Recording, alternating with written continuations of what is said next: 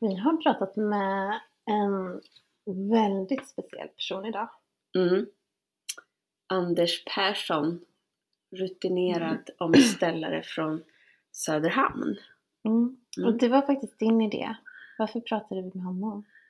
Vi har ju pratat om Sky Cult och att vi tycker att det är ett ganska lamt perspektiv. Men ibland är det som att vi också är ute och svävar i hur världen ser ut och sådär va. Eh, Men Anders han är ju otroligt jordnära. Han har till exempel startat en förening som heter Närjord Mm. som han ska berätta om. Och han och, och jag tycker att det är viktigt att vi i våran podd är, också har det här eh, att det verkligen handlar om liksom, oss människor och hur vi gör våra saker och hur vi tar ansvar för oss själva och våra mest grundläggande behov. Det. Och det finns nästan ingen jag känner som tar ett större ansvar för det det. än Anders faktiskt. Väldigt konkret. Väldigt konkret. Ner i jorden. Ner i jorden och ut i samhället också. Mm. Och, och liksom samhällsstrukturer och sådär. Han gör ta med fan allt han kan alltså. Mm. Starta parti.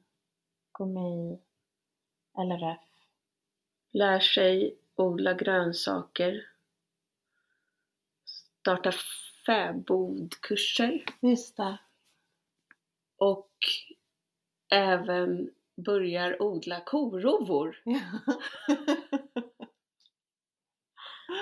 Ja. Ja. Och en sak som han gör som är väldigt inspirerande tänker jag för omställare det är ju det här att han liksom inte backar för att höja sin röst för sånt han tycker är viktigt och livsviktigt trots att han kanske själv inte kan allt om det. Just det. Ja, det är väldigt inspirerande. Ja. Det är så man lär sig också. Det är så man lär sig. Alltså han ser mer att det, vi måste bära det här ansvaret. Vi måste ta ansvar. Jag gillade verkligen nivån i att vad är det det ska stå i historieböckerna? Just det. Vad ska det stå där? Ja. Du blir inte rädd för det? Nej. Jag blir äggad. Mm. Vad bra! Ja men vi tror ju att många kommer bli äggade av att lyssna på Anders. Ja, precis. Dessutom är han skitdålig på sociala medier. Så att Mm. vi är The jätte... exclusive material. Ja det här är verkligen exklusivt. Mm, exklusivt. Mm. Ja, jag måste också säga att jag tyckte det var så himla fint det han pratade om. Han var så arg. Men bakom den här ilskan så var det en djup förundran för det vackra i livet Ja. och hur vi kan behandla det så illa. Mm.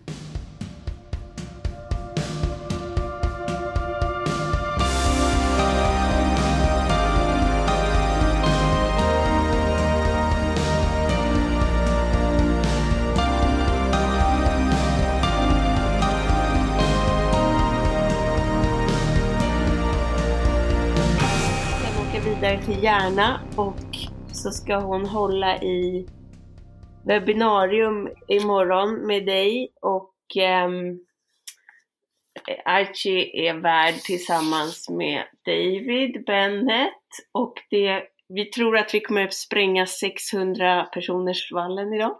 Oj, oj, Mm. oj. Herregud, hur funkar det praktiskt här med uppkopplingar och allt? Det får vi se. Får vi se eh, om inte internet går sönder på grund av vårt webbinarium. Ja, Kan vi göra. om inte internet läggs ner, har du hört talas om det här? De. Uppdaterade Archie om det igår, ja. Vad vet du? Ja, alltså det, igår först blev jag bombarderad av, av vänner och länkar över den här konspirationen att det ska läggas ner allting idag. Och att Trump är tydligen den, en fridsfurste vi har väntat på. Exakt. Ja, ja det är helt otroligt alltså. Man måste hålla sig flexibel. ja, av alla människor. Alltså, det är exakt det som jag också är väldigt förundrad över som jag pratade med Archie om. Eh, alltså det här med att personer som man ändå vet vilka det är Och så vet jag ju att de har kanske en annan uppfattning om vad som händer än vad jag har, men att de är, nu blir de så himla tydliga och hörs så Mm. mycket. Ja, visst. Men är det inte för att vi längtar efter magin? Vi Ja. längtar efter någonting som är bortom det rationella. Det kan det ju vara. Ja, men fråga vad, vad det fyller den med. Liksom. Jag, kan, jag kan förstå det, jag tror det, absolut att det är så. Men alltså, vad, vad fyller oss med? Vad fyller funktionen? Vad, vad tänker ni runt det? Ja, men det är väl eh, mening. Förundran. Mm. Men blir man lugnare av det? Kan det vara något, sånt? Ja, eller jag tänker att vi lever i en meningslös tid. Liksom. Vi har tappat meningen. Men om det är så att det finns en, en berättelse som man kan ingå i och som ha, fyller någon slags, som har en slags mening, då det är ett sätt att eh, make sense liksom, av allt knasigt och, och smärtsamt som händer nu. Mm. Men men, ja, för jag tänker att många har hört att ja, det kommer gå åt helvete, vi kommer gå in i depression, världen går under. Men att bara säga sådana saker, det borde ju skapa en oerhörd ångest hos oss. Förstår du? Man, att man ens kan säga sådana saker, att det, det här är slutet på tiden, nu lever vi i apokalypsen, nu går vi under. Mm. Just det. Alltså det är sådana som, som normalt borde skapa världens panik. Vi vill inte ens säga det, vi vill inte ens tro att vi ska dö, men vi, vill, vi tror att världen ska gå under, ungefär som att vi, det ska inte drabba mig. Men är det inte, eller jag, jag tänker att vi har i den här kulturen så har vi en sån grundmurad tro på, på utveckling och framsteg. Mm. Och så ser vi nu inte att det är möjligt. Framsteg är inte längre möjligt. Och då, eftersom vi är så otroligt narcissistiska så betyder det att allt går under. Ja, precis. Ja, antagligen. Det är faktiskt ganska lamt.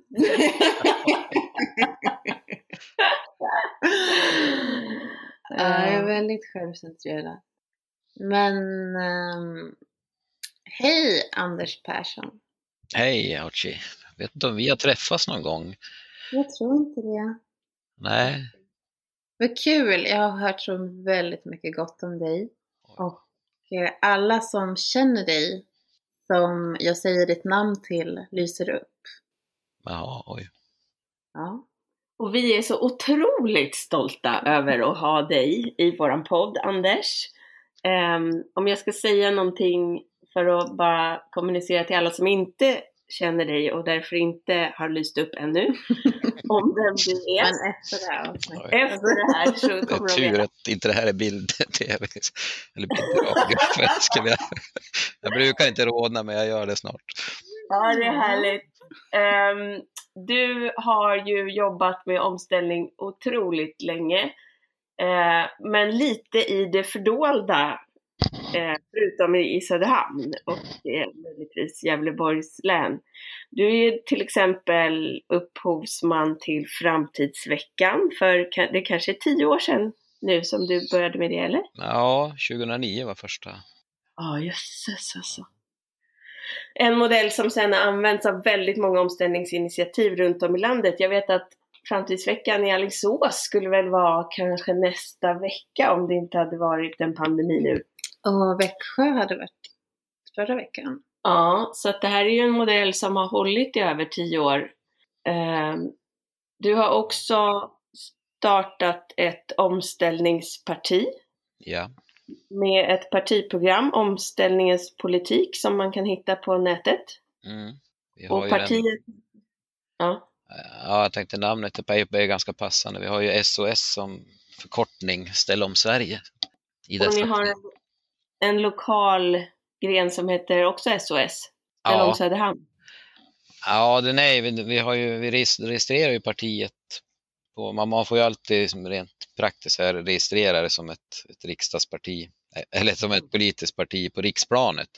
Och sen har vi en lokalavdelning då som heter Söderhamnsinitiativet, men, men heter det SOS Ställ om Sverige är liksom huvudnamnet. Men vi gjorde ju det här med tanke på att, att fler får ju, får ju snor här, liksom framtidsveckan, att det är ju det är en öppen källkod, liksom, det är bara fritt fram och stjäla den. Mm.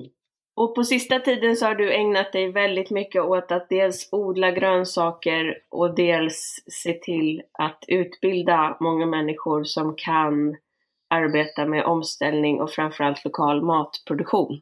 Varför, vad, säg något om det, vad har du gjort? Ja, ja vi, driver, vi driver kurser i, vi kallar dem ju för småbruk. I formen vi driver dem i är ju via en kommunal vuxenutbildning. Men det är motsvarande de utbildningar som är på folkhögskolenivå, det är samma, samma form. Och de här, vi startade de här för fem år sedan. Det började med en odlingskurs och vi har, ja, vad är titeln på det, småbruk?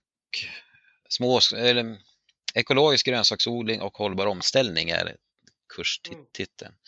Och det har liksom varit vår huvudkurs, men sen har det här växt i takt med elever och kunskap som har kommit in och vi är ganska många lärare kopplat till det här, så nu har vi ju matförädlingskurser, vi har djurhållningskurs, vi har en fäbodkurs som är väldigt populär, vi, har, vi jobbar ihop med särvux och daglig verksamhet. Så det har, liksom, det har, det har spritts i många olika grenar. Så den har vi haft och varför vi startade den, egentligen var det efter när jag hade, jag har åkt runt de sista tio åren och, och pratat om ställning runt hela Sverige så här. Och, och, och ju mer man har närmat sig de här frågorna så är det, man landar ju alltid i matfrågan, är så central för hela, hela vårt civiliserade samhälle. Kan vi inte äta så är, inte, är ingen av oss snäll och demokratisk. Och ju mer jag pratade om det här behovet av lokal matproduktion så insåg jag otroligt lite jag kunde egentligen och vad svårt det var att prata om de här sakerna om man inte vet, vet praktiskt hur, vad det handlar om. Och startskottet var egentligen vad det var, jag fick en fråga en gång på en föreläsning. Men du som pratar så mycket mat Anders och fröodling och utsädestillgång, vet du hur man får frö av en morot? Det var ganska mycket folk i lokalen och jag, jag känner mig ganska bort, bortgjord. Jag hade ingen aning. Fantastiskt. Och tänkte, Berättade han då? Ja, han berättade och det visade sig att ganska få i lokalen visste det. Mm. Och det, här, så det här brukar jag ta upp också när jag pratar nu mer att ja, men vända på det. Hur många vet egentligen en sån enkel basal grej? Och då kände jag att jag måste lära mig mer om det här. Och sen hängde det väl också ihop med att vi, det här huset som vi bor i nu sedan 15 år tillbaka i ett gammalt Per Albin-torp. Och när, vi hade, när jag hade renoverat allting klart där vi skulle bo så, så började jag titta runt på tomten och så hittade jag ett parti som var en överväxt åker, lapp. Då brände jag ner den där för jag tänkte att jag skulle ta en nystart och såg massa lämningar efter tidigare odlingar. Jag tänkte att ja, men jag stoppar ner lite potatis och jag fick någon, någon säck potatis och och bekant och stoppa ner och börjar växa som galet så här. Och då, och då, då hänger det egentligen tillbaks man ser, när jag var 20 år, och det är ganska många år sedan, 35 år sedan nu, så köpte jag mitt första torp. Och då hade bestämde jag mig att jag skulle bli odlare redan då, eller självhushållare. Och det gick åt skogen rejält. Jag plöjde upp en gräsmatta och stoppade ner massa fröer och potatisar och det kom bara upp ogräs. Och sen har jag levt med den självbilden i, fram tills för tio år sedan att jag kan inte odla. Jag kan en massa saker men odla är inte min grej. Och jag har ju en av mina äldsta vänner som, som tidigt var ute och gick en utbildning för Bill Mollison i permakultur och började försöka övertyga mig om permakulturens förträfflighet. Jag tyckte allting var bra utom det här med att odla, det, det tog jag inte till mig. och sen då när, när jag började odla här, när jag såg att potatisen växte så alltså, jag, jag, jag, drömde om grönsaker, jag blev verkligen besatt av grönsaksodling. Så det gick en kurs senare på Färnebo folkhögskola som fortfarande är igång som Per Eklund håller i, en fantastisk pedagog. Och, och, och, kände när jag hade gått den kursen att den här typen av kurser måste spridas över hela landet. Det är, vi måste utbilda massor med folk. Vad var det för kurs? Det var också ekologisk grönsaksodling. I princip samma den. kurs som, som jag håller nu. Ja, mm. jag har sökt till den i höst. Ja. Mm. Mm. Ja, grattis. Hantering. Ja, jag ska bli som Anders Persson. Ja, det är många som ja. vill det. Var härligt. Eh, vi, vi, ska, vi, ska kom, vi ska prata mer om det som du gör nu, men om vi kunde backa ett litet steg, för du och jag, vi satt ju i kärngruppen för Omställning Sverige då, ungefär 2009 när du höll på att rodda med Framtidsveckan och, och var ute och pratade väldigt mycket. Mm. Och, och då var ju, liksom din drivkraft var ju inte riktigt grönsaker då. Nej, absolut inte. Vad var det då? Ja, alltså, det, det, det, det var ju min son Edvin som har varit drivande hela tiden som var grunden till, till hela mitt engagemang här. Och, och om jag backar ännu längre så, så var jag ju runt i 15-20 års ålder när jag först kom in i det som kallas miljörörelsen och alternativrörelsen. Och liksom tycker jag hade koll på alla de här frågorna. Men i samband med att min son föddes, han blir 14 nu i april, i samband med hans födelse så, så hade jag det, det mest fantastiska av liv här. Vi hade köpt det här huset, jag hade träffat Ulrika som jag fortfarande bor med och hade inte en tanke på, på världsproblemen. Under några år där så var jag förälskad i, både Ulrika och livet i stort. Och var serietecknare? Ja, det har ju varit min försörjning i alla år. Ja. Och vi, vi byggde om eh, en lada här, jag har ju en fantastisk ateljé här. Sambo Ulrika var keramiker då, så vi, vi jobbade hemifrån. Alltså, världen utanför existerar inte, vi hade vår lilla bubbla här på gården. Och så blir Ulrika gravid och vi väntar Edvin här som magen växer. Och i samma veva, det här var ju 2006, så fick jag ju tag i boken Sex grader av Mark Linus. Och började läsa den här och blir fullkomligt chockerad över vad som håller på att hända. Och det där, alltså det startade med en djup klimatångest. Man satt sitter med ett, ett nyfött barn här på armen och så tar man del av vad, vad, vad, vad är det för framtid som väntar. Mm. Mm. Och där jag föll in i ett stort mörker, liksom, totalt ner. Och de här, den här krocken av och det, och liksom känslan blev, det är den här sorgen, vad har vi ställt till med och det oåterkalleliga i vad som kommer att ske. Mm. Och samtidigt med det här ansvaret, vad har jag, om jag nu har läst det här en gång, jag har tagit del av den här kunskapen, vad, vad har jag för ansvar framöver? Och det är ju så många av oss känner, liksom, vad, vad kommer våra barn att och ställa oss för frågor framöver? Och det är vad gjorde ni för någonting? Men ni hade all kunskap, ni visste att det här kommer att ske och ändå gjorde ni ingenting. Samma som Greta säger nu till alla. Och det här var ju, det var, det här var ju totalt omvälvande för mig. Jag var ju jag var ingen rolig person de, de följande åren. Alltså. Blev aldrig bjuden på ett enda party. Jag fick så förmaningar att föra Anders, kan du hålla truten ikväll? Liksom. Just det. Mm. Och, och famlade ju runt så här och var hysterisk på, på många vis. Vad ska vi göra? Vad, vad gör vi? Så, tills jag kom i kontakt med omställningsrörelsen. Liksom hitta de här nycklarna och som jag såg att vi hade tänkt fel också i miljörörelsen tidigare och de här nya sätten att jobba med frågan. Det var ju, det var ju verkligen en, en, också nästa Men- uppenbarelse och som tog mig upp ur det mörkret faktiskt. Vad var det som gjorde det? Vad var det du kände med omställningsrörelsen som var som ja, tog tag i dig? Ja, alltså, alltså flera olika saker egentligen och mycket var väl det här att man, man la till de här tre kriserna till, att man gjorde det till en, en större systemkris istället för bara en miljökris som vi hade haft fokus på tidigare. Och en existentiell kris och en civilisationskris, att man var tvungen att se mycket större bild än, än bara rädda miljön. För man blev, det var ju ofta det här polariseringen i politiska debatten också. Ja, vi ska rädda miljön men jobben är viktigast. Mm. Helt plötsligt kunde man ta det här hela omtaget på varför vi mår dåligt, hela mänskligheten.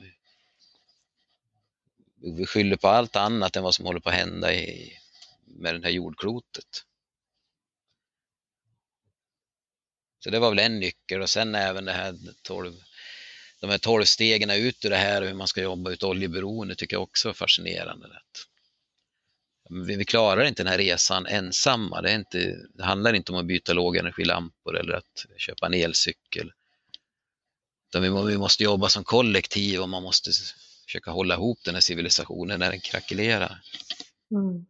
Men hur orkar du då? För att du är ju inne, Mm. som du beskriver så här, det har ju varit en väldigt det har varit många år och du har verkligen jobbat oförtrutet på olika sätt och försökt få de här frågorna på dagordningen i alla möjliga sammanhang, i kommunen, i länsstyrelsen, i regionförbundet, i studie, i folkbildningen i stort och sådär. Eh, vad, vad, vad, vad får dig att liksom orka fortsätta? Fortfarande barnen här. Vi har ju, jag har ju två döttrar också, styrdöttrar som vi måste kämpa för. Och det, alltså det gjorde mig väldigt orädd när jag gav mig ut och pratade om de här sakerna också, för jag kunde och kan absolut inte allt om de här frågorna. Inte ens hur man odlar morötter? Nej, snudd på. Liksom. Det går åt skogen alldeles för många gånger. Men det är att man, alltså det är som jag brukar säga, vad är det som driver mig? Ja, men det är den oron för framtiden och det räcker nästan som, jag behöver inte ha mycket mer kunskap än så. Då har jag mm. full rätt att stå där framme och prata om det, vi måste göra någonting. Mm. Jag vågar göra bort mig för jag känner mig, jag skiter väl i när jag står, för jag, jag har ju genom alla och jag känner mig fortfarande inte som en föreläsare fast jag inte har gjort annat och, och hållit på att prata. Och jag, jag avskyr egentligen att lyssna på föreläsningar så jag fattar inte att folk orkar stå där. Men att det inte är därför jag står och folk får tycka att jag är hur dålig som helst eller säger fel saker. Det skiter jag egentligen i, för jag vill egentligen inte stå där och prata om de här sakerna. För det, jag står där för att jag är orolig, jag har ångest, jag, jag vill förändring. Och jag, jag känner den här ilskan och ilska har ju varit en drivkraft som jag tycker är mm. underskattad. Varför är du så arg? Vad, vad är du arg över? Ja, över att vi gör så fel saker. Att vi inte lär oss när vi har, vi har kunskap, vi har blivit utrustad med, med, med, med en intelligens, vi borde använda den mycket bättre. Jag vet jag är ganska barnslig i mitt sätt att vara. Jag, jag har ju tre, tre egenskaper som jag, jag tycker är mina bästa. Jag är väldigt naiv och ivrig jag är som ett barn så jag vill att saker ska hända på en gång. Jag kan inte vänta. Och så är jag ganska svartvit så här, det är antingen ja eller nej. Och så blir, och så blir jag lätt arg. Det är det man förknippar med småbarn. Det är ingenting man kan skriva i sitt CV och få något jobb på, men jag är väldigt stolt över de egenskaperna. Just det. Just det. Och, och, jag tycker just när det här, ja men ilska, det kan faktiskt föra oss. Jag, jag, jag är ju troende kristen också, haft Jesus som politisk ja. förebild i alla år. Och för mig var ju Jesus en, en, en ganska ilsken person. Liksom. Han, han, blev arg och gick in i tempel och rev ut saker. Helt kompromisslös på vissa sätt. Ja, eller hur? Ja. Och det är ju det, den sidan av, av Jesus som har tilltalat mig och det har jag inte hittat i så många alltså, sammanhang. Så därför har jag stått utanför alla religiösa rörelser så där, men jag är djupt troende sedan 15 års ålder. Gud vad spännande. Men vad är det liksom, vad är det du, alltså vad är liksom bortanför, vad är det du ser? Som gör att, alltså inte det du ser som um, människornas, eh, alltså den intellektuella kollapsen och allt det där. Utan jag menar så här, vad är det vackra du ser som du vill få fram? Vad är det liksom varför blir du, vad är det du blir arg för? Man kan tänka på, man skulle kunna tänka på ilskan som en slags liksom andra sida av passionen. Alltså någonting är så viktigt att när det kränks eller när det hotas då reagerar man, då blir man arg. Mm. Och vad är det? Vad är, vad är passionen? Vad är det? Ja, exakt. Ja. När jag hade, alltså den här, den här, den här, den här gudsupplevelsen som jag hade i 15-årsåldern, den kom väldigt oväntat. Jag var ju, jag, jag, jag, jag satt och tecknade mycket ute i naturen då. Jag, jag tog min moped och åkte långt ut på en strand för jag skulle teckna. Jag satt där och tecknade en eftermiddag. Och, och fick en gudsupplevelse egentligen, för jag är inte uppväxt i något, något, religiöst sammanhang och har inte några kopplingar sådär. Men det här bara sköljde över mig och det var, det var en, en kärleksupplevelse som, som var så enormt stark. Mm. Och det, alltså det är jättesvårt att beskriva, jag försöker inte ens beskriva den sådär, utan det var bara enorm kärlek jag blev uppfylld med och det, det var så självklart allting. Och det, liksom allt det här vackra i, i skapelsen, liksom, en förundran verkligen över allt, allt vackert.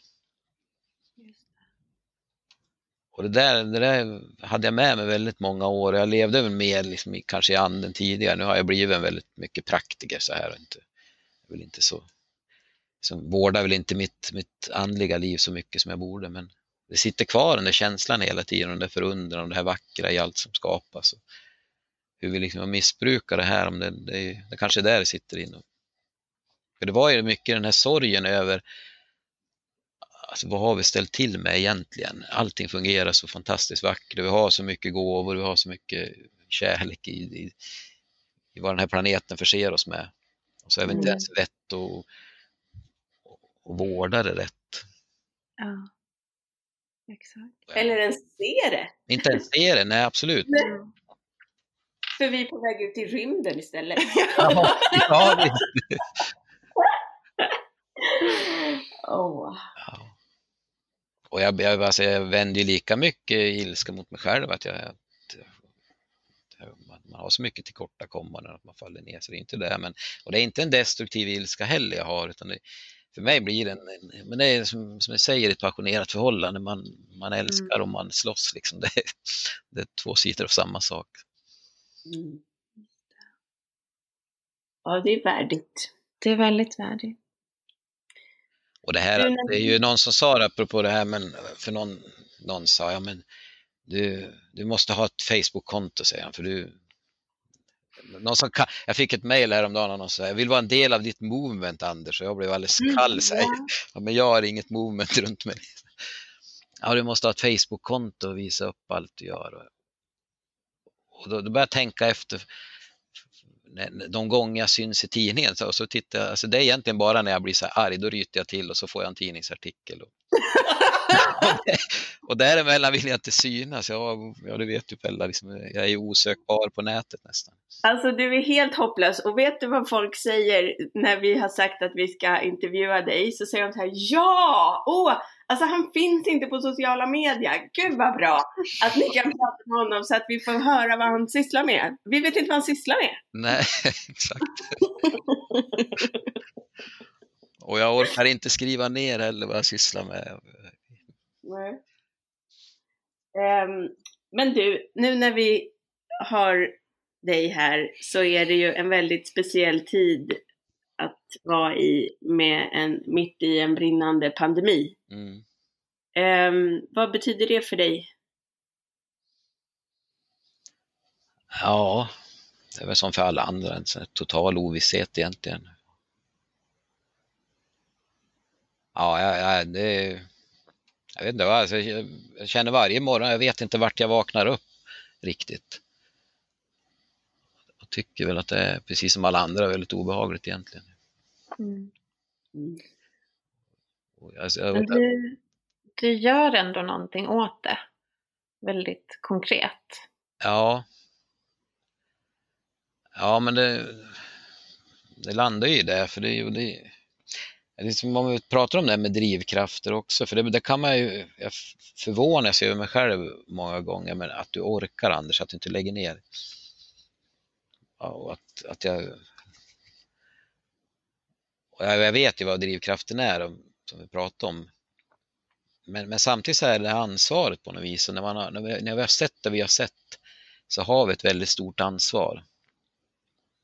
Det finns en liten, en, en liten filosofisk bok som jag har, som jag inte minns författare, men som kom ut för 20-30 år sedan, som heter Det intellektuellas ansvar. Mm. Och det, det har jag liksom tänkt på oss också inom omställningsrörelsen nu, alla vi som har pratat om de här sakerna så länge. Att vad har vi för ansvar? Vi har sett de här sakerna komma, vi, vi har pratat om att saker behöver göras.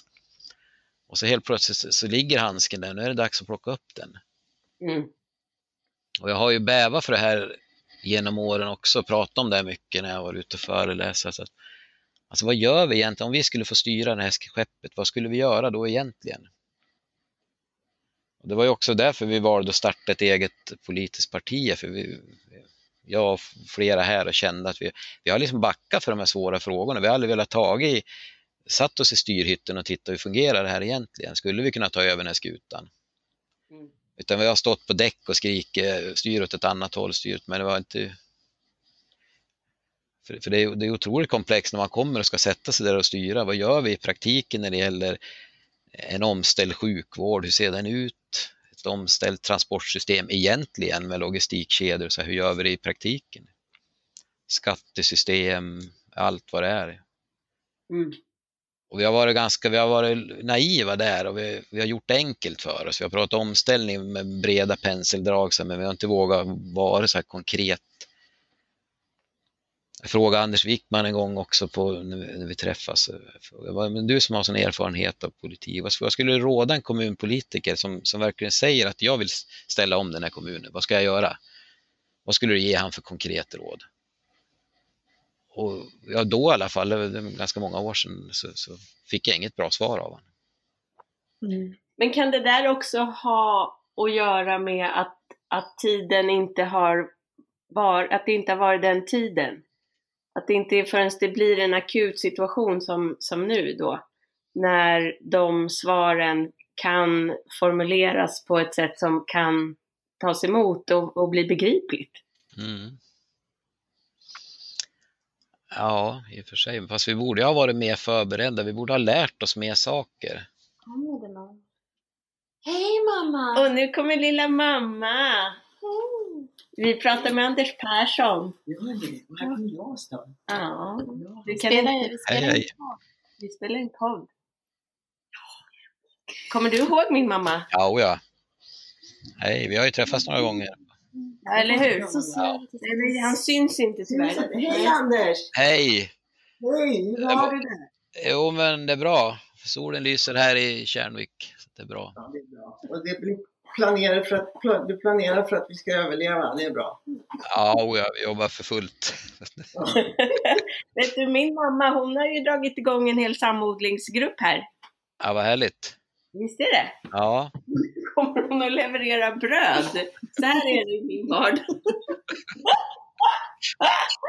Åh, titta! Åh, wow. vad härligt. Det känns som jag sitter på fel ställe. Ja. Um, Okej, vad var vi? Nej men att det är svårt just det i praktiken. Mm.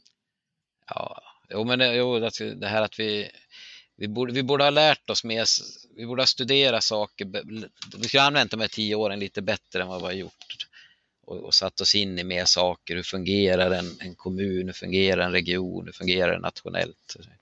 Mm. Otroligt många jag träffar inom omställningsrörelsen, de kan inte ens skilja mellan, mellan länsstyrelsen och ett regionförbund, de vet inte vad de man vet inte ens hur sitt lokalsamhälle fungerar och det försöker man ställa om dessutom. Mm.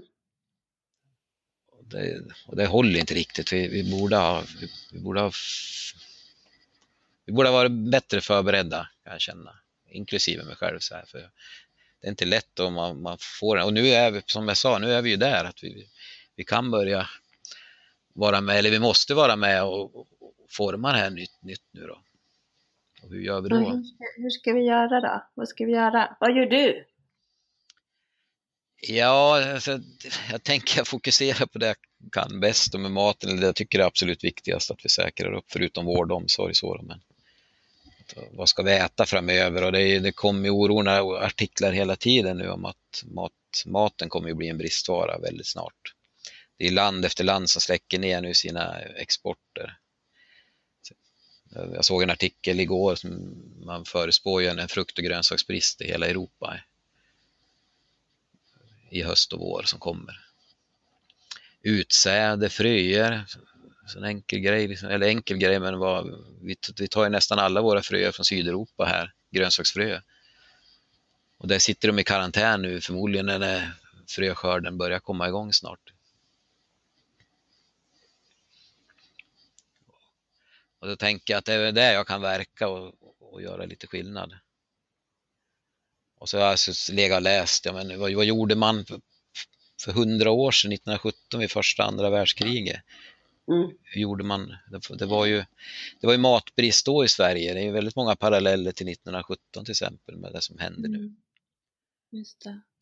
Ja, då gick man ju, då, då, det, det var starta lokala livsmedelsnämnder, blockorganisationer som man kallar det. Man börjar så grönkål, ja, nu har vi sett bilderna i Kungsträdgården som är dignar av grönkål och potatis i massor, ut med allt, ner med all potatis man kunde tänka sig. Du skickade en sån bild på grönkål på Karlaplan. Ja, Karlaplan var det. Ja, visst var det fantastiskt? Ja, det var ju Kungsträdgården också. Men du skickade till din kommun? Ja, den har jag skickat med i alla, i alla dokument. Jag tycker den är så talande på något vis vad man skulle kunna göra. Dessutom så vackert. Mm. Ja. Ja, men vi, har, vi har satt ihop en liten åtgärdsplan så det är vad vi tycker och det är ju inte alls så att den är den ultimata planen men vi tänker att det, vi försöker, och då försöker vi bli så konkreta som vi bara kan för vi, i princip då ska vi få upp någonting i jorden i höst då har vi två, två och en halv månad på oss från nu och reagera. Kommer Mm. vi in i juni så är det för sent och jag vet inte om ni har läst den här boken Svälten som har som tar upp eh, svältperioder i Sverige. Slutet av 1800-talet. Där man, där, där nöden var som störst i när, när alla blomster stod som mest. Alltså i juni, juli, då, då var Mm. värsta svältkatastrofen. Mm.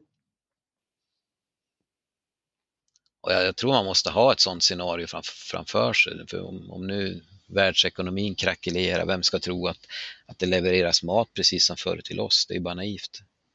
Ja. Och du tror att det går så fort, alltså att situationen är så akut nu så att det är när, de närmsta två månaderna som vi måste göra drastiska grejer? Ja, jag tror det. Och jag, jag, tänker, det är, för det är ju den här försiktighetsprincipen också. Gör, gör vi det inte så, så har vi inte gjort någonting. Gör vi det och det visar sig fel, ja men det spelar väl ingen roll. Mm. Det är som att laga ett tak innan regnet kommer. Man, kommer det ingen regn så var det ju bra så då, men förr eller senare kommer det. Och har vi satt ner de här grejerna så kan vi ändå skapa, vi kanske kan skapa nya lokala arbetstillfällen till hösten. För vad, vad ska folk jobba med framöver? Förmodligen är det inom livsmedelsindustrin vi kan ordna de här jobben nu som, som inte finns i andra sammanhang. Och det tänker jag nu när man går in och räddar restauranger och det är ju jättesynd om alla, alla restaurangägare, alla besöksnäringar och så, men, men det finns ett steg före restaurangerna också som, som vi har misskött i alla år. Som Mm. matproducenter, bönder, livsmedelsförädlare. De har ju, det är ingen som har stöttat dem, men de kanske vi kan gå in med samma resurser där och skippa att stötta många branscher, ohållbara branscher som man också säger att man ska gå in och stötta de här tiderna. Så att det är inte Och- ogjort arbete, även om inte krisen kommer så är det inte ogjort arbete. Det kan dessutom uppfylla många människor med hopp, tänker jag. För det var ju en, en kvinnlig bekant som jag pratade med som hade satt sig lite i karantän som, som sa ju att jag överlever tack vare mina, mina tomatplantor som jag ska pyssla om. Mm. Mm. Så att jag har Men vad- ingenting att förlora på det. Vad, får du för, vad får du för respons nu? När du, när du säger sådana här saker? Ja, överlag positiva. Många som skickar hejarop och klappar på axeln sådär. Några som har sagt att de vill vara med på resan, många som är beredda att ge sig in och jobba praktiskt. Vi försöker vända oss så högt det bara går i kommunen då, i första hand nu då. För att, att lite grann testa om viljan till att göra någonting där man har sagt i livsmedelsstrategin de sista två, tre åren. Vi ska jobba med en beredskaps, ett beredskapsarbete, vi ska ta ansvar och försöka. Och vad finns viljan nu då att göra det verkligen? Men du Anders, om, om vi tänker att du har ett recept här som egentligen alla omställare nu borde, borde göra någonting med, beroende på sitt sammanhang. Kan du inte beskriva så här, precis vad har du gjort och precis vad är det ni föreslår? Vad vi har gjort rent konkret och det är att vi har skickat in ett brev till kommunledningen och begärt ett snabbt möte för att diskutera de här frågorna och vi, vi kommer ju vi kommer ju pressa dem på pengar, det är så, så enkelt är det. För det kommer att behövas massvis med pengar om man ska gå i land med det här. Vi kommer också göra det praktiskt ändå. Det är inte det, är inte det men vi kommer, vi kommer att pressa dem på flera miljoner för att om inte annat så har vi sagt för historieböckerna så ska det stå det att någon, vi försökte i alla fall. För apropå ilska så blev jag otroligt provocerad. När, samma dag som vi hade en artikel nu när vi gick ut och sa de här att vi varnar för en akut matbrist så är det första sidan på lokaltidningen så är det att fritidsnämnden har satsat 2,5 miljoner på att i sommar renovera ishallen, eh, hockeyishallen här i stan. Och då funderar man, vad lever man i för verklighet när det, man, en, en sån här vecka klubbar igenom ett sånt beslut, när man läser att Italien använder de ishallar som bårhus numera. Mm. Så fruktansvärt. Och i höst så ska vi ha ett, ett stort kalas, vi firar 400 år i staden där vi ska ta hit kungen och kommer att satsa 5 miljoner på det här. Alltså vi, sånt här provocerar mig oerhört. Så vi tänker oss att vi går till kommunledningen, lägger fram de här konkreta förslagen. Så vi är ett gäng här bakom som, som vill göra skillnad. Det kommer att kosta x antal miljoner att göra det här. Är ni beredda att satsa? Och jag, vi räknar med att få ett nej, men då har vi åtminstone sagt det. Men ni, och det är, vi och det är en förening som vi kallar för Närjord som har funnits några år och vi har jobbat med, försökt stärka upp den här lokala livsmedelskedjan. Vi har startat restaurang och kafé. och odlingar och så här. Och vi har tagit lite olika former, nu är vi inne i en ny fas då, men tanken är att vi ska vara en, en både en grossist och en, en kunskapsförmedlare. Och, ja, man ska kunna sälja saker under konceptet närjord är det tänkt. Mm. Men då har vi ett x antal punkter här och konkreta förslag på för att säkra tillgången till livsmedel i Söderhamns kommun. Vi ska räkna upp några punkter eller hur tänker ni? Ja, men gör det. De, de mest, eh, de, de viktigaste och skojigaste. Just det. Och sen kan du jättegärna få skicka det så kan vi kanske lägga upp det tillsammans med inlägget. Ja, det gör vi. Ja, absolut. Ja. Ja, punkt ett då har vi sagt så här att det, att, det, att det omedelbart, och det är att-satser så här så då blir det ju väldigt politik av det. Att det omedelbart inrättas eh, flera kommunala krisgrupper för livsmedelssäkerhet. Och då tänker vi att det är flera och att det är en som jobbar rent konkret med att, att direkt från nu och ut och förbereda mark, skaffa utsäde, ja, säkra tillgång på häst och kogödsel. Allt det här som behövs för att odla i större skala. Och en grupp som tittar på det lite mer långsiktigt, att vad gör vi i höst? När de här sakerna ska lagras in, när de ska förädlas, hur ska de distribueras? Hur ska man eh, kanske skapa arbetstillfällen så man också har en liten långsiktig plan? Och sen då att det avsätts akuta medel för finansiering för ökad självförsörjning. Och sen att utsäde och fröer omedelbart köps in i stor skala för det, det kommer ju antagligen att bli en bristvara. Man skulle säkra upp tillgångarna nu på kålfröer och morotsfröer och allt vad det är. Och du har börjat redan? Ja, jag har väl inte kört på något sånt jättelag. Jag brukar alltid ha så jättemycket fröer, men jag har, jag har mycket fröer så jag kan odla väldigt mycket. Men jag hörde att du, du slog till på 12 ton potatis. Ja, vi, vi ska göra det. Vi har bokat det. Det, det, det hittar vi utsäde i en lokalt utsäde som vi tänker använda oss av. Men vi, vi tänker eh, dela ut det här gratis. Vi ska köra ett andelssystem där man köper in sig på höstens skörd. Och av de pengarna så köper vi det utsäde och så delar vi ut det gratis till de som, som vill, känner sig beredda att odla. Och då kan man få allt från 10 kilo till 2-3 ton om man vill ha det. Mm. Så det ska, vi göra, det ska vi göra oavsett. Vilken kärlekshandling. Ja, Vilken dådkraft! Ja, verkligen.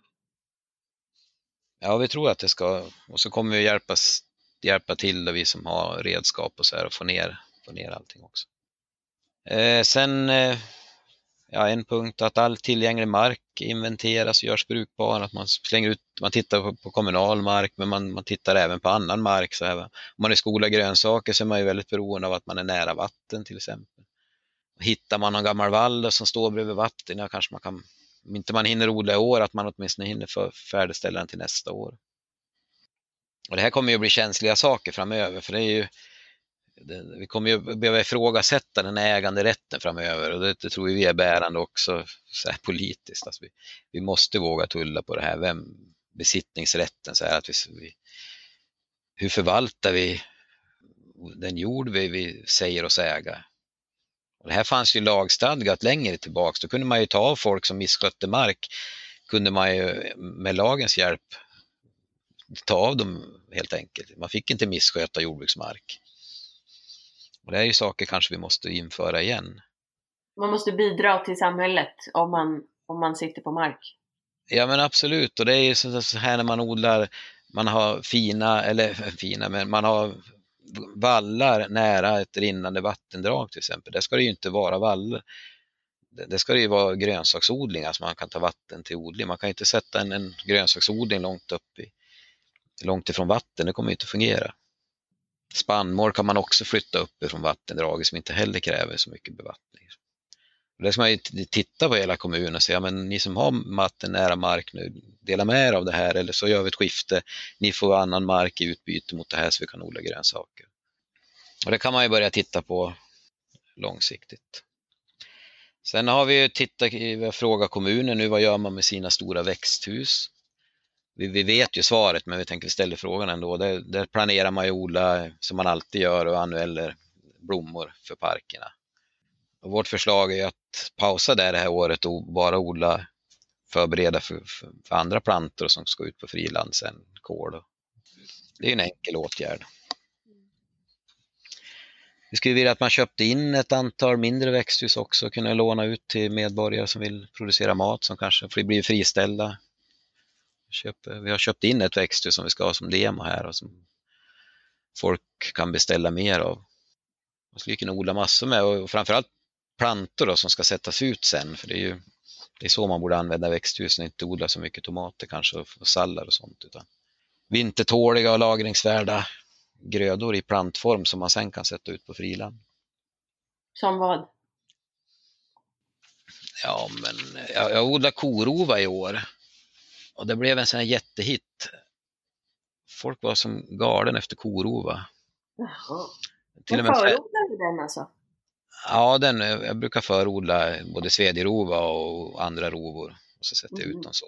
Både, både direktsår och förodlar. Mm. Men det var en sån här smaksuccé. Till och med svenska kocklandslaget beställde all korova jag hade, men då hade jag, då hade jag slut sedan länge. Så det var... Jaha. Ja, det var en, ja, det var, den var jättegod.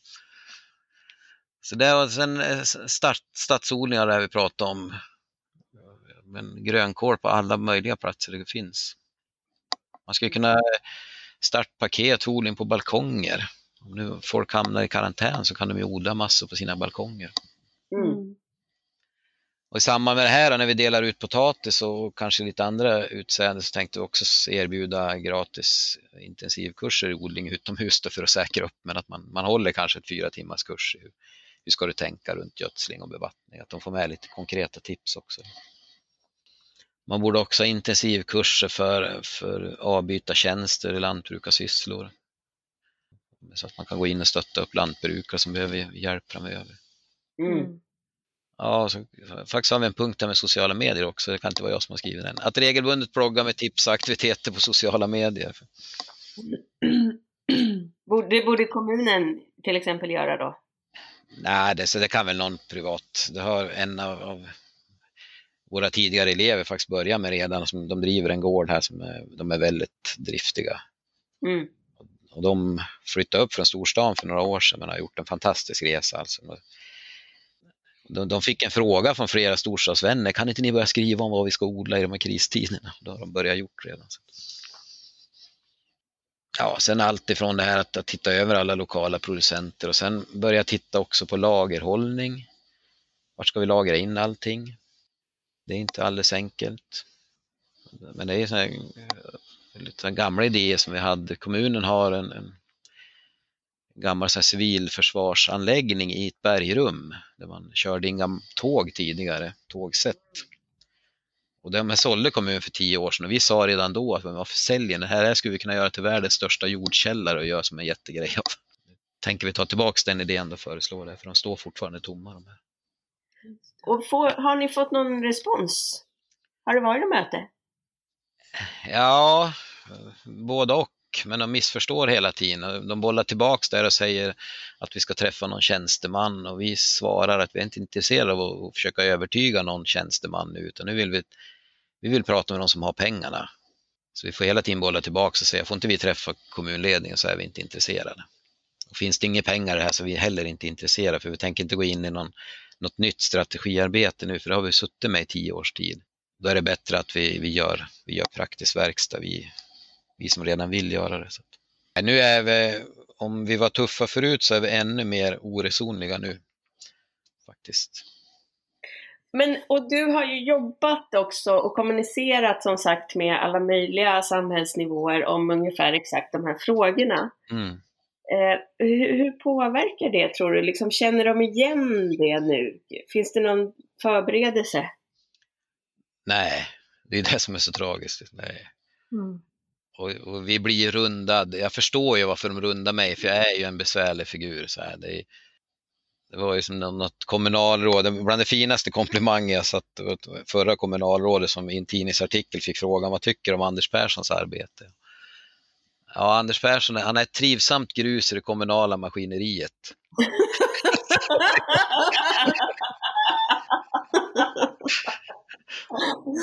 och fortsättningen var också fin. Han, sa så här, han, han har en sällsynt förmåga att vara både trevlig och besvärlig samtidigt. Visst är det vackert? ja visst, det där, du, kan be, du kan ha honom som referens om du skulle behöva söka jobb. Nej, men så, så, att jag blir ju rundad som person flera gånger. De har ju, för några veckor sedan så satt kommunen ihop med Länsstyrelsen och regionen och hade ett påbörjat arbete med livsmedelsberedskap, men jag tror vi var inte inbjudna. Det blev lite pinsamt för de hade det på min arbetsplats dessutom, så jag gick förbi rummet de satt i och så, så kom de, och så kom de ut och sa, ja vi pratar om er hela tiden. Ja, ja, jag förstår. Det. Nej, vad spännande. Men det är lite talande, alltså, vi är för radikala för de här sammanhangen och man, man släpar efter, det är det man, man blir så irriterad. Det är, som är så tragiskt tyvärr att ju högre upp man kommer i alla organisationer desto sämre kunskap. Alltså det här man möter på, på tjänstemannanivå så hittar man så många kloka människor. Först för gräsrotsnivå, där vet vi vad som behöver göras. Mm och inom omställningsrörelsen saker vi har sagt hela tiden. Så kommer man upp på tjänstemannanivå, ja men då hittar man förståelse och kunskap många gånger. Men ju högre upp och framförallt där pengarna sitter så finns det ingen kunskap överhuvudtaget. Och, och det här är så oerhört tragiskt och så, så oerhört farligt för pengar finns det, det handlar ju om bara om vilja, det är inget annat. Mm. Man komplicerar allting i alla sammanhang. Vi, här har man byggt en ishall för 60 miljoner alldeles nyss. Det är, det är ju det är bara ren vilja att klubba igenom ett sådant beslut. Man har kunnat satsa 60 miljoner på, på omställning istället om man har velat. Man gör en... har fått 1500 lokala arbetstillfällen. Eller hur? Ja. Ja. Och så säger man att ja, men det är för svårt och det är därför vi går till kommunledningen och säger nu det här kommer att kosta 5-10 miljoner. Är ni beredda att klubba igenom det där? Det kommer att säga det går inte. Men det går om man vill. Så det är så, så svartvit är jag i min syn och det, det, får jag ju belägg för hela tiden. Man kan genomföra det här 400-årsfirande med 5-10 miljoner. Men vi hade en idrottsvecka för några år sedan för 25 miljoner. Att, att säga att det inte finns pengar, att det inte går, det är bara nonsens. Men hur, hur tycker du, hur är det att, att inte bli förstådd? Alltså hur, vad gör du med det? Ja, jag har ju, jag har ju sån tur, jag, eller tur, jag, jag har haft en otrolig förmån det känner väl du och Pella i åren vi har fått åka runt och träffa alla kloka människor i hela Sverige. Alltså man ser ändå att det finns människor som, som förstår, som vill göra skillnad. Hade man inte haft det så har man ju gått under. Mm. Det, är, det är ju en otrolig förmån, känner jag. Och, och lika det här när vi håller våra kurser, så otroligt många, eller alla elever är så kloka vi är ett stort nätverk. För det är ju absolut inte bara jag som gör saker i det här. Vi är ju, utan alla i det här nätverket hade det ju inte varit någonting. Och där är ju ventilen man kan pysa ut hela tiden. Man vet att kommer bara våran tid så, så finns det kloka människor. Det är bara att vi, vi får chans att stiga fram. Och nu tänker jag, det är väl mycket så här, jag känner också att vi måste, vi måste lyfta de här frågorna, att vi åtminstone så att det står, alltså egentligen skitar vi i historieböckerna, men de som inte går med på det här tåget nu, som har makten och sitter på pengarna, om inte de gör skillnad nu, det är, det är deras ansvar. Och man kan hitta på tus, tusen ursäkter, liksom att, men har man möjlighet, har man mandat att besluta saker och inte gör det nu när det verkligen krisar, det får man ta på sitt ansvar. Säger du det till dem? Ja, oh ja. Mm. Vad säger de då? Ja, alltså, de, de skruvar ju på sig. De, de sitter väl själva fast. Jag tror de, de, de kan ju ha vilja, men de har, de har satt... Man sätter ju hinder för sig själv många gånger. Man, den kommunala lagen till exempel, som när vi läste den när vi startade vårt politiska parti så hittade vi massvis med, med lagtexter som, som visar på rådighet inom en kommun där man kan göra fantastiska grejer. Den svenska kommunallagen är ju revolutionär på många sätt. Vi kan göra vad som helst i en kommun som har snudd på om vi bara vill. Mm. Mm. Men vi utnyttjar inte därför att vi tycker vi är fast i strukturer eller vi har för lite kunskap. Och, och just det här att, att pengarna finns, det är ju, det är ju som uppenbart här. Vårt regionförbund och Region Gävleborg här som, ja nu, det blev en stor region där man sköter sjukvården och ja, mycket sådana här samhällstjänster har ju styrts upp där, kollektivtrafik och annat.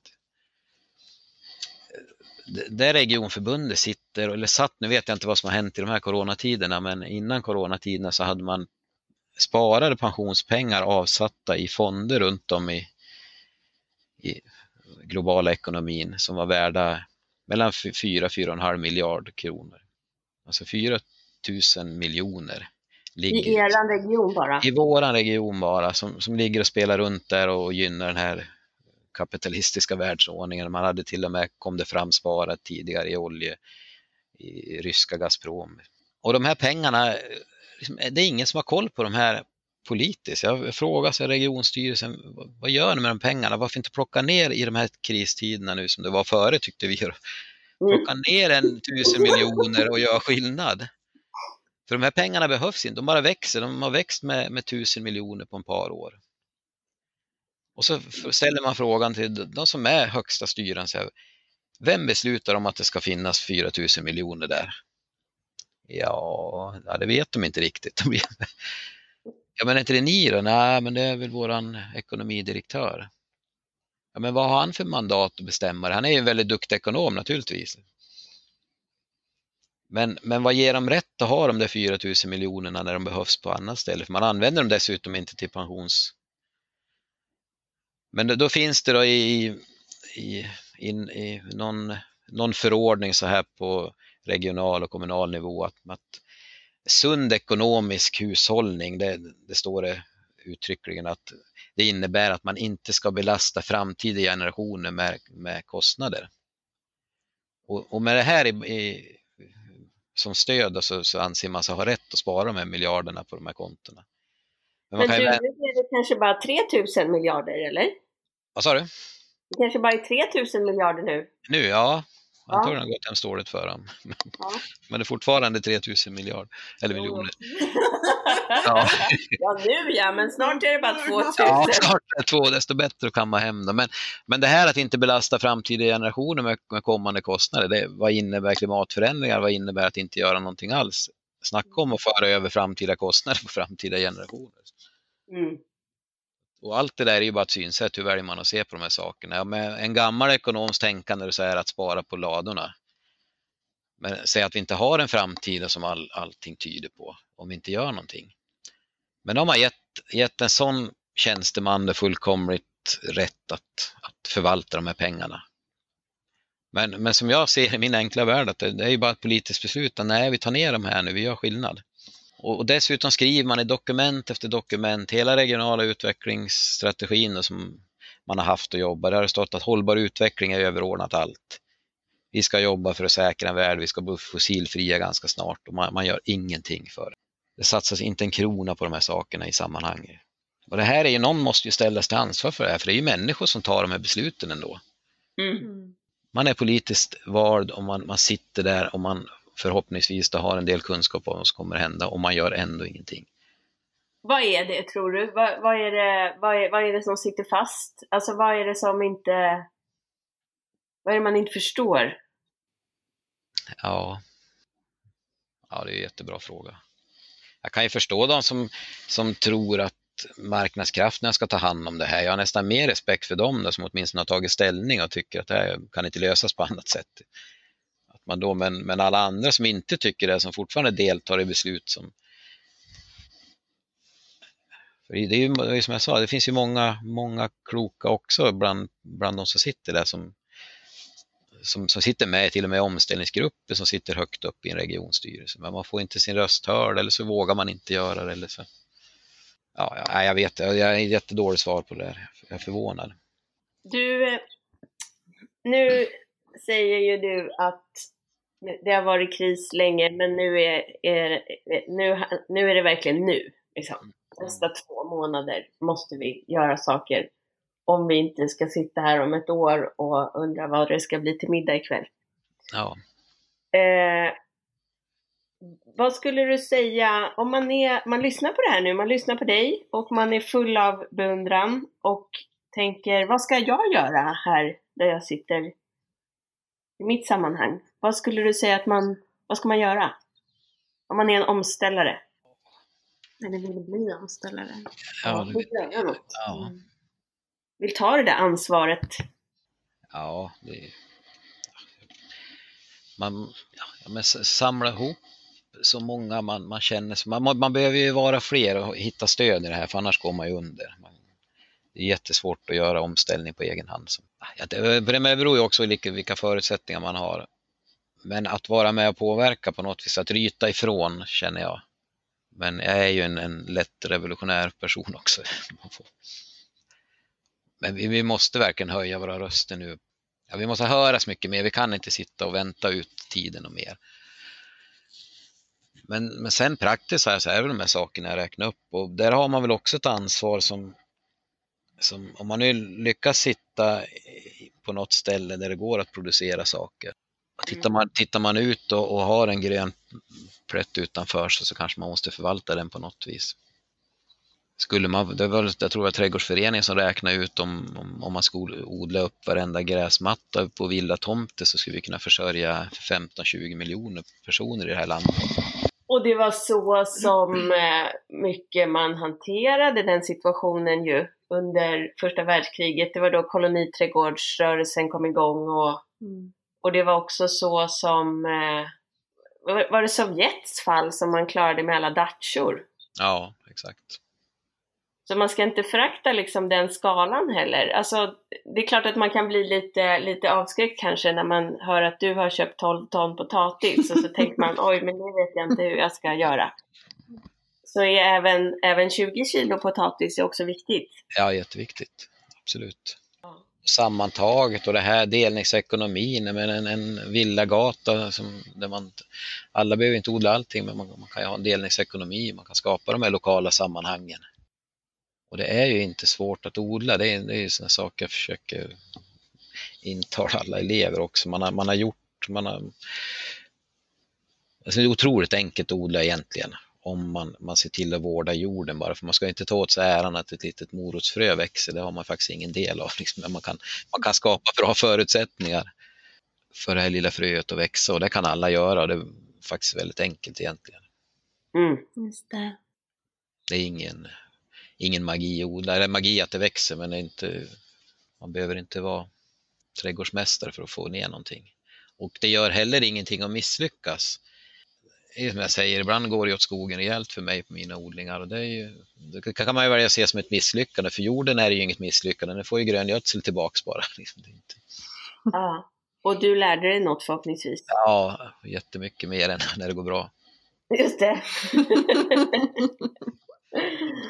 Ja, men det finns ju inget misslyckande för en, en, en, ett litet frö att växa upp, sen om det inte hinner klart. Men det är, ju- det är ju gladare ut att få växa än att ligga kvar i en fröpåse. Så att, vi kan ju odla i skor, vi kan odla i hinkar, vi kan odla i mjölktäter och vad som helst. Så åk ut och skaffa jord och fröer och tryck ner allt som bara går. Mm. Det ska blomstra överallt. Och jag hade en av första kursen jag, jag höll så hade jag en elev som hette Sara som var helt fantastisk. Hon, hon gjorde allting alldeles för mycket. Det var så härligt. Hon satte fröer alldeles för tidigt, hon odlade alldeles för mycket mot vad hon hade plats till. Hon skaffar höns, alldeles för många höns, hon skaffar kaniner, alldeles för många kaniner, men det är så härlig inspiration, hon bara körde på. Så att Ja. bara, bara kör på hur mycket som helst. Och, och vänta inte, vänta inte ut någonting och sitta inte i några strategimöten utan gör verksamhet.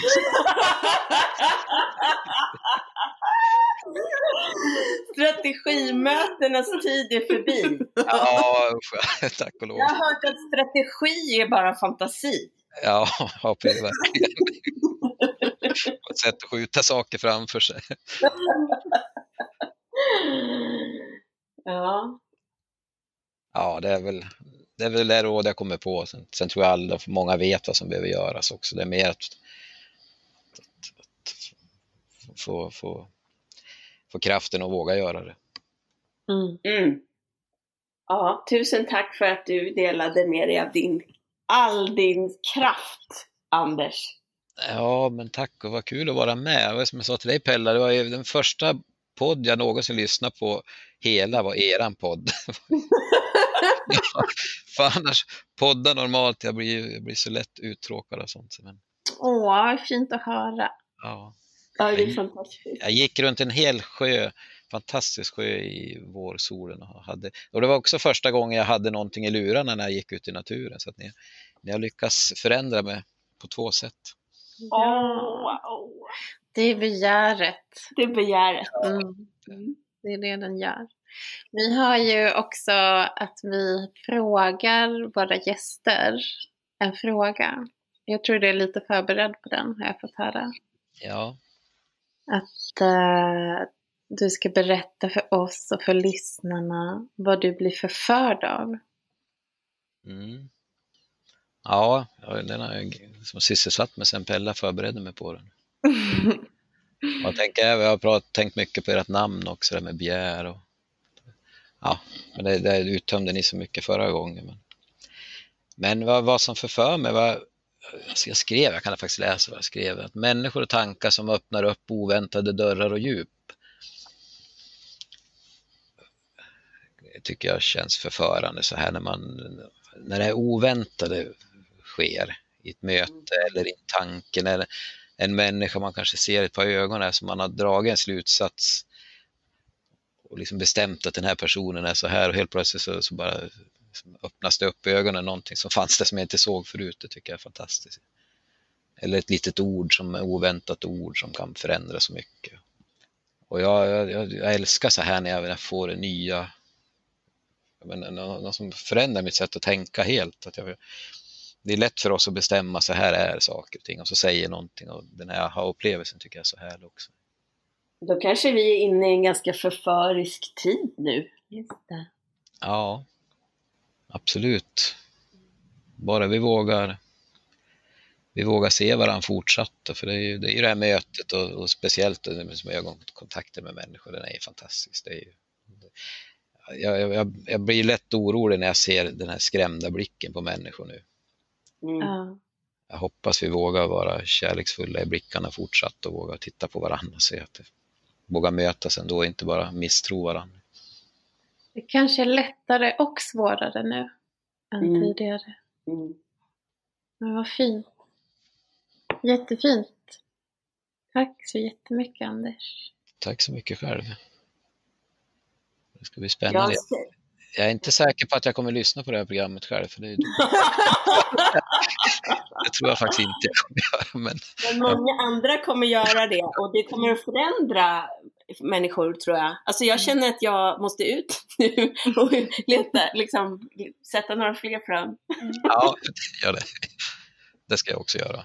Och ringa kommunen och ja. Ja, men ni sätter frö med ert initiativ här också. Så. Tack för det. Tusen tack. Tusen tack.